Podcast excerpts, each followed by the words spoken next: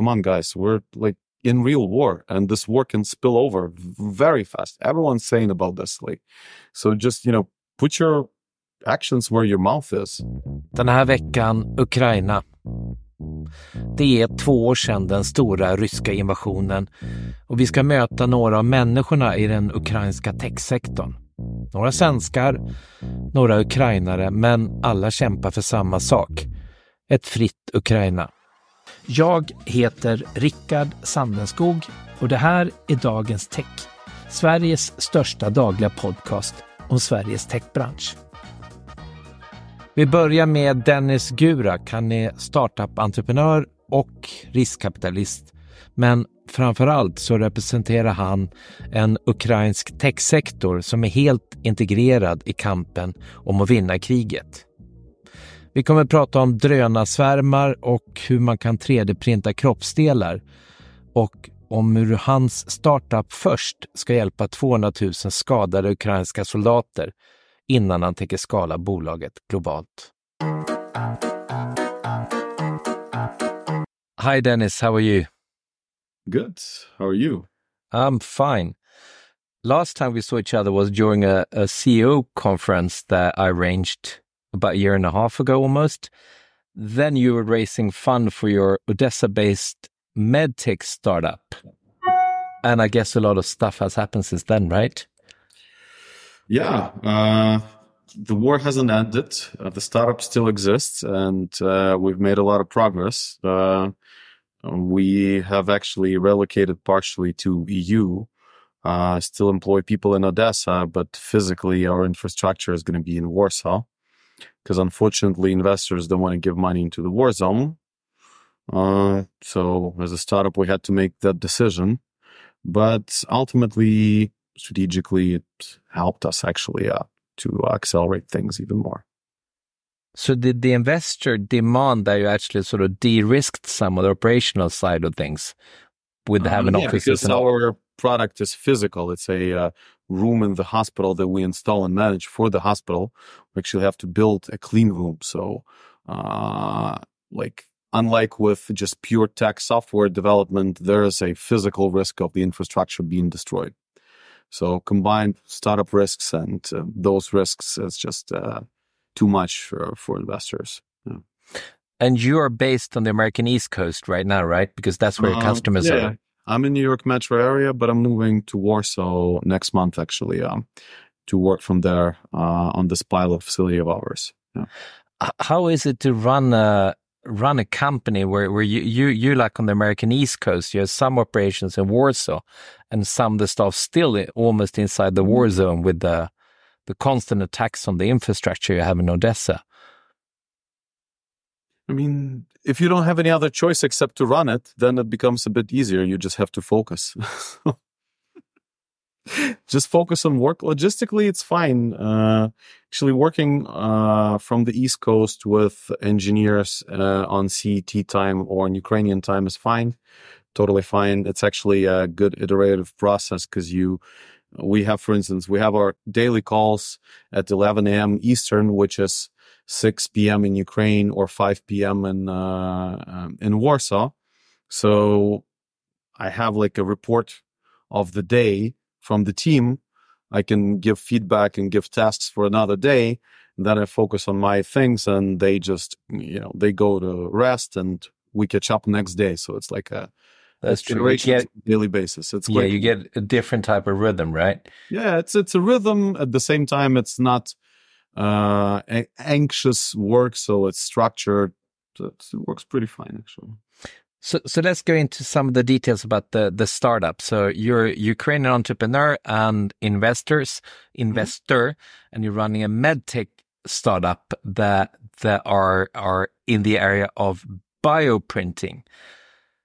So what is that all about, and what, what what is the type of innovation that you're currently working on, and then a bit about the the actual collaboration you, you Mhm. you're now having having with one uh, East Coast based hospital.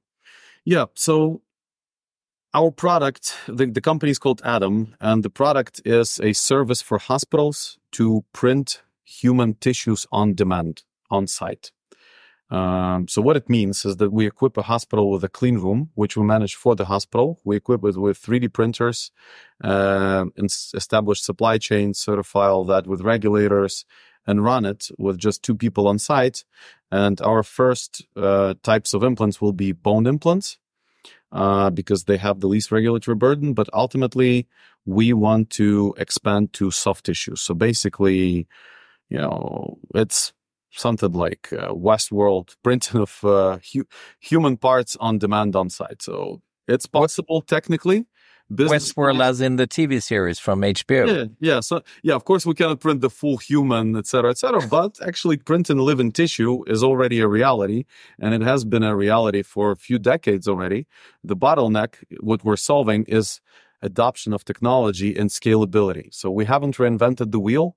We've just created a business model which makes sense for, uh, and we're binding together researchers and companies who have bioprinted materials, which are hundreds globally of them, and ultimate customers, surgeons and hospitals. So I, that's why I like to call it uh, cloud manufacturing platform for human tissues. It's a, it's too hard of a name, but in, in reality, it's what it is. It's a decentralized on-demand manufacturing. So imagine a network of hospitals 10 years uh, from now, and uh, people have their bodies scanned prior. And if something happens, you know, uh, if they break an arm or something happens with their skin or anything, uh, they could come to a hospital and get their replacement part right there, not wait, not needing to wait for transplant, for donor, etc. So it's um, that that's that's like the ultimate vision. Uh, but we're starting with something solvable. Um, for bone implants, actually, we don't need to do even human trials, oh, and we have official confirmation from FDA, from US FDA on that. And we're going to start this uh, where it ne- it's needed the most. So we're going to treat Ukrainian wounded soldiers because there are 200,000 wounded um, uh, that need this type of treatment, and there's just no other solution that exists. Um, sorry for a long speech, but that's no, no, it's super fascinating. But but a, a, chunk of that vision, right, is the old vision of 3D printing. Mm-hmm. So basically, you don't need supply chains. You just manufacture any spare parts there mm-hmm. and then, and then you transfer that to the hospital system, where mm-hmm. you have a patient, which is always a large, complex organism. And if anything is needed, you could just print it or created on demand as is required yeah. by that specific patient that, that process yeah. You have to do step by step you know just do uh, do bone tissue then we would do skin uh, and uh, most likely heart valves or and or ligaments. We have all that planned out. We have the supply chain established for bones for uh, soft tissues as well. It's like a really complex thing which at some like four years ago when we started, it was like too innovative. Uh, the problem was that no one believed it's possible because there's just it's in the US they call it like catch all. So you have to do this and that for you know uh, too many factors should come in together at the same time. Uh, but yeah, like on the engineering business level, on, on all levels, we've done it. So the next level, the, the latest, the, the next thing what we need to do is to start actually treating Ukrainian wounded soldiers. And that's what we're going to do this year. Um, if everything goes well, you know, with the war, there are a lot of factors that don't depend on us, but um, we're on track of, uh, you know, doing first surgeries this year. And the plan is that we replicate our pilot facility in New York in 25. Um, with Mount Sinai, which is the largest hospital in New York. And Mount Sinai is our strategic partner and investor. So, um, so that was a way of getting inside the big sort of hospital networks in the US, but actually having them sort of participate in these, in the research. Mm-hmm. Yeah, yeah. Rather a, than doing a hardcore sell. Yeah, it's a classic approach. It's just some hospital systems are moving faster, some slower. And frankly, with Mount Sinai, we just got lucky. We filed an online application and there were, and they have a process for working with outside innovations. Unlike Ivy League, they usually, um, with Ivy League, it's really hard. They are, uh, they are used to working with their own faculty uh, incubating the uh, startups from the faculty. Mount Sinai has this approach to work with outside innovations. Mm. So yeah. But then, then you, your company is again, it's the typical example where it's not really clear where the the, the business is very much integrated into the the place where Ukraine is today. You're mm-hmm. focusing also on solving a, a, big problem that comes as a consequence of the the ongoing war with Russia. Mm-hmm. So you're helping out there at the same time as you're trying to build out a business at the same time. Yeah, look on the company side, it's a uh, you know apart from social responsibility because we're Ukrainians, like uh, it's it's just a good way to validate everything uh, fast on a scale. Because, uh, like for instance, uh, what with the quality of Ukrainian engineers, we've done uh, we spent like a little more than a million dollars by now uh, and we have full MVP system ready, IP secured, like the full package. In US, it would have taken us, I don't know, 20, 30 million. And uh, it's just enormous efficiency. Because uh, in Ukraine, you can get a hardware engineer uh, like uh, with a very efficient cost still uh, unlike so with software engineers, you know, Ukraine is quite known already globally, but on hardware side, we have much more talent even than in software because every big city has a polytechnic university, and apart from math school, it's physics, radio electronics, chemistry, material science. Um, so, and all that stems from Ukraine being an R and D center of Soviet Union for in the Cold War, and that's actually the reason why Russia wants to capture us because with some of without some of the critical facilities, defense facilities, their defense industry cannot function. So um, and why I'm doing this this whole thing because I do believe that Ukraine can become integrated with the West based on this uh, value of the engineering value, um, and it, it. It, it's just a good match, you know, and that's what uh, the Western societies lack. It's just uh, in my head somehow it makes sense. Is the the the progressiveness of this i'm not going to say new nation because it's an old nation but in its current shape and form is that the same type of sort of progressiveness and optimism about the future that has also made technology as such an integrated part in society and one of sort of the core building blocks in, in how you're now shaping the, the current and the future Ukraine yeah, it's uh, it's what it is. Definitely, we're you know all these last two years, it's like one never-ending day, and mostly people are on the same page, so you can feel like societal mood in the air. You know, so if everyone's down, ev- if someone's down, everyone's down. If uh, someone's up, everyone's up. So uh, it's our strength, but weakness at the same time.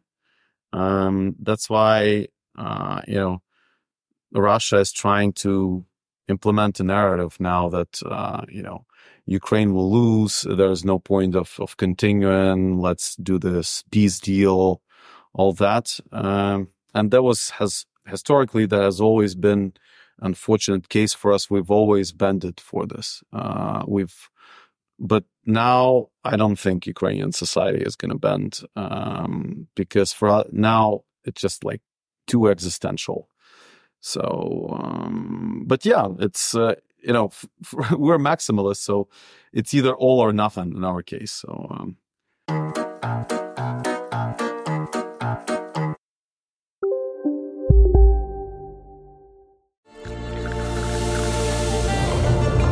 Välkommen till McCafé på utvalda McDonalds restauranger med Baristakaffe till rimligt pris. Vad sägs om en latte eller cappuccino för bara 35 kronor? Alltid gjorda av våra utbildade baristor. Hej, Synoptik här. Hos oss får du hjälp med att ta hand om din ögonhälsa. Med vår synundersökning kan vi upptäcka både synförändringar och tecken på vanliga ögonsjukdomar. Boka tid på synoptik.se.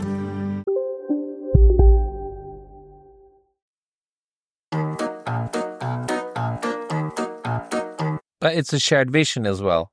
Whether and shared vision. yeah, I'm telling you, it's like everyone's on the same page. Uh, it's like if someone does something bad, he immediately gets canceled. You know, if someone does something good, that person will receive credit and even more trust, and he'll be able to do even more good. So it's, it's, it's you you're reminding us Europeans and potentially the Americans as well what what nation building and a shared cause is really about, right? Because we're slightly confused in the West these days with with everything being polarized and everything and then it it it's it's it's rather beautiful and seeing a country come together the way that you guys have, and that was even before the the big invasion two years ago with the Maidan Maidan Revolution as well. You saw that taking shape there too, and it's still ongoing. Yeah, that's what we think. But you know, my opinion is that West uh, just got too relaxed um, and too lazy, and uh, if uh, you know, apologize for the uh, rough word, but if uh, US or West doesn't get their shit together, uh, it's going to be really tough to um, remain, uh, you know, in the strategic, uh, you know, power uh, in the new world um, with uh, with all what's happening. So if if it's not clear for politicians or societies by now I can tell you that it's definitely clear for defense people because part of my background is working in defense industry. Um, so we're now in the new cold or actually hot war. It's not cold. Uh, we don't call it third world war because it's not, it's a new shape and form, but it's definitely a new global hybrid war. Yes. So the question is, uh, where the new conflict will emerge next. Everyone's betting on uh, Taiwan but I think it could be Korea's or actually um, India versus Pakistan. Um, or something unexpected. But uh, really, it's like we're now in an accelerated timeline, and uh, the West is too distracted. The new axis of evil, sort of, uh, I don't know how to call them, but yeah, they they will do everything possible to get West out of their feet. And Iran, China, Russia. You're referring to that? Iran, China, Russia, North Korea, whoever's with them, Venezuela. Um, but there was there was panic mode in the Munich Security Conference last week, right? Yeah, apparently. yeah, that's more panic doing. mode they're than this narrative. Yeah, panic in mode. Yeah, yeah. And and presumably a panic mode in Davos as well uh, a couple of months back, and and you were there as well, right? Mm-hmm. But maybe it needs to get significantly worse for for the West to wake up. Uh, unfortunately, but but something needs to happen, right? Most likely, it's going to be a real critical situation in Ukraine. Uh, on the battlefront. Um, we're just gonna go through it as we always did, and uh, you know, like what I'm saying, you know, West needs to get together is because like if we're talking about strategic partnership and you know Ukraine defending the free world, uh, everyone should like the partnership is a two way street we just don't understand it. Like we don't get it. You know, something is promised and then it's, oh, it's delayed. Oh, we cannot do this or that. Come on, guys. We're like in real war and this war can spill over very fast. Everyone's saying about this. Like, so just, you know, put your actions where your mouth is. Uh, so, so even, you know, Zelensky has to say the obvious, you know, like at the uh, Munich Security Conference, he had this uh, press conference with Kamala Harris and he was asked, uh, what will happen, you know, if US doesn't vote for this aid? And he said, well, we'll just not consider US a strategic partner anymore. Fairly straightforward, right? It's, Can you sense that? No, it cannot be not straightforward for us. So that's why we're hoping a lot on Sweden and Nordic countries. I think that's where the key lies. key question. We, we, we we help him, but but not not enough, right? Uh, but there was a big, but big. So Denmark started. Um, Let's switch back to technology. Sure. Has Ukraine's significantly more advanced ability to use technology in an integrated and creative fashion in in the current war. How significant is that uh, when fighting the Russians? Yeah, well, it definitely helped. Look at the uh, Black Sea uh, situation. Yeah, although the ground counteroffensive last year failed, the black we've been able to secure the Black Sea with asymmetric warfare with drones, which is a huge achievement in itself. Uh, we've deblocked the uh, grain corridor ourselves. So that's a good example. We need to keep up. Um, you know, it has been told multiple times by various people much more knowledgeable than me that the next big thing is drone swarms. US has been working on this concept, I don't know, for 20 years. Not, it hasn't been implemented in real life on a scale. Uh, and I see some indications that this year Ukraine will have it. Russia started saying that they have it, but uh, I'm following quite closely what's happening on the front lines, and I'm not sh- entirely sure that's true. So whoever implements that on the scale first is going to have an edge. Yeah, drones. Is work. that software challenge or a hardware challenge? No software, no hardware challenge. Integration logistics challenge. And you have dedicated drone schools in Ukraine these days, mm-hmm. right? Yeah. That only edu- educate. Mm-hmm. What do you call them? Drone warriors or drone uh, yeah, operators? Drone pilots. Yeah, and they, those could be women, children. Uh, it's a so uh, it, there was a, you know, a cool project launched uh, sort of to motivate society, uh, which is uh, create a drone yourself. So they're like publicly available uh, materials and instructions how anyone with uh, limited funding and limited knowledge of engineering can uh, assemble a drone in a few days and send it. like IKEA furniture? An FPV drone, yeah. Wow. Yeah. And they can be used for something useful or? Yeah, it's going to be an attack FPV drone. They will assembly the, um, the actual, uh, not a mechanical part, the, uh, the body. Uh, people could assemble the body, uh, procure parts themselves. Um, so I don't know the statistics, how it works actually, because uh, it's just a month or two months in into this, but this is sort of like creative approach that I'm sure, you know, at least few hundreds or a few thousands of drones were, were done like that. so the the startup community in Ukraine then, so you had a very strong defense industry before the war, right? Mm-hmm. And presumably defense tech in itself has, has, become a significant sector. Well, definitely the immediate priorities for defense startups to um, uh, create products on the scale and give them to the front lines. Um, this hasn't been solved entirely, so it's still very fragmented. You know, it's uh, uh, still needs a year or so uh, to actually work on a scale. Yeah, I was going to say a startup never operates at scale. There's no use to have an MVP if you only have one version or one prototype. Yeah, but yeah, but in defense, like if you have an MVP and you certify it, then you can immediately start scaling because you don't need a conveyor actually uh, it's still the same process still supply chain it's still same supply chain usually and it's still um, individual assembly.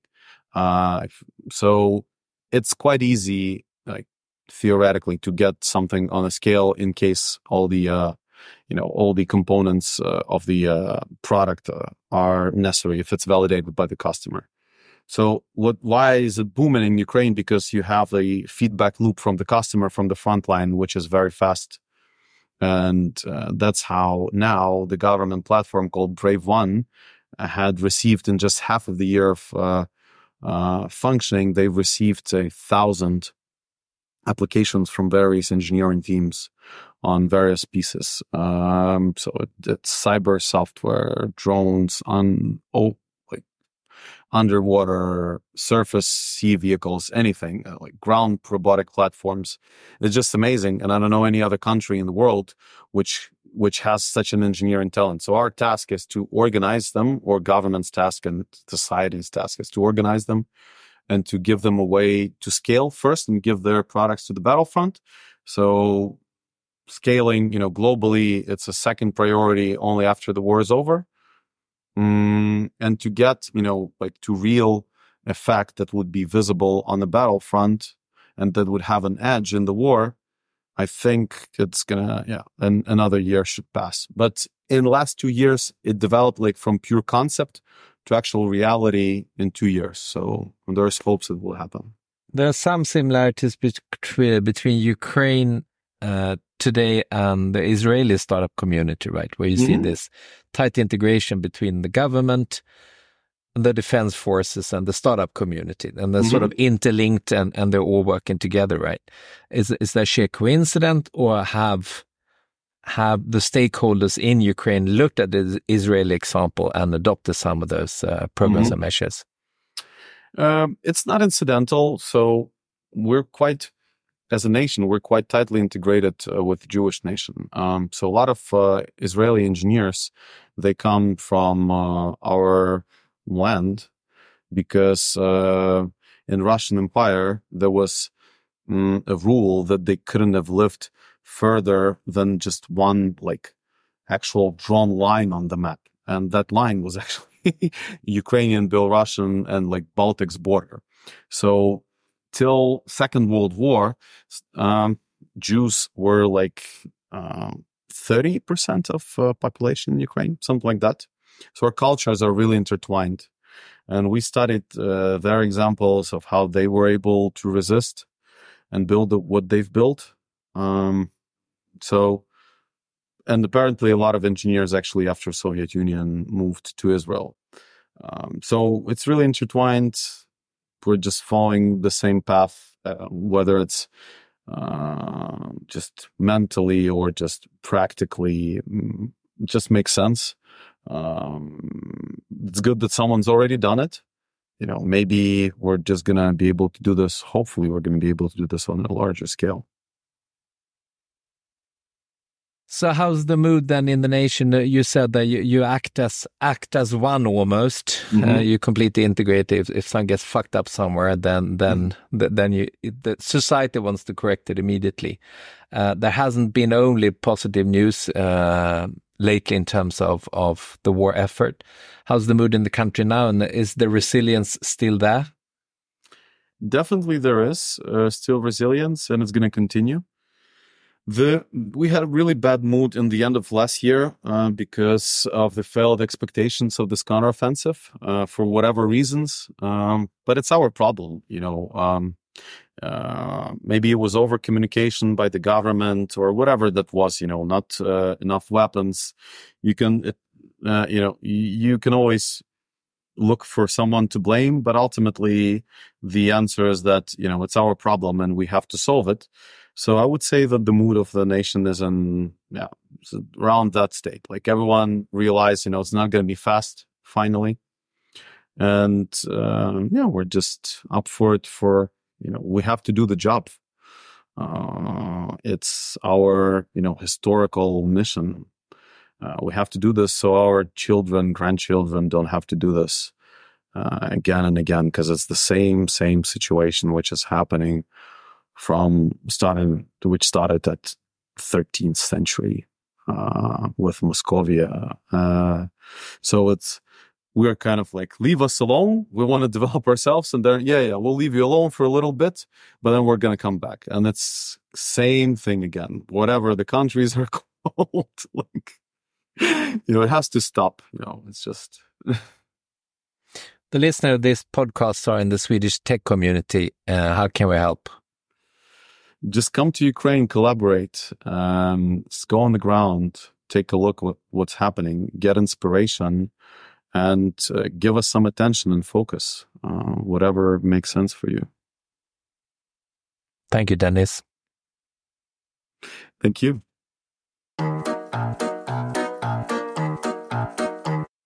Imorgon så kommer vi träffa Andreas Flodström.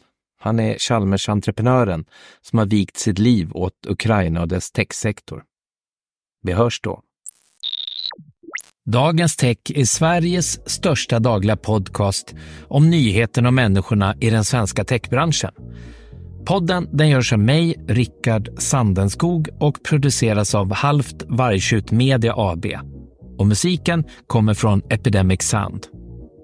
För att hjälpa oss med podden så skulle vi bli glada om du gjorde två saker. Följ oss eller prenumerera på oss i din favoritpoddspelare nu och tipsa alla dina vänner. Vi hörs!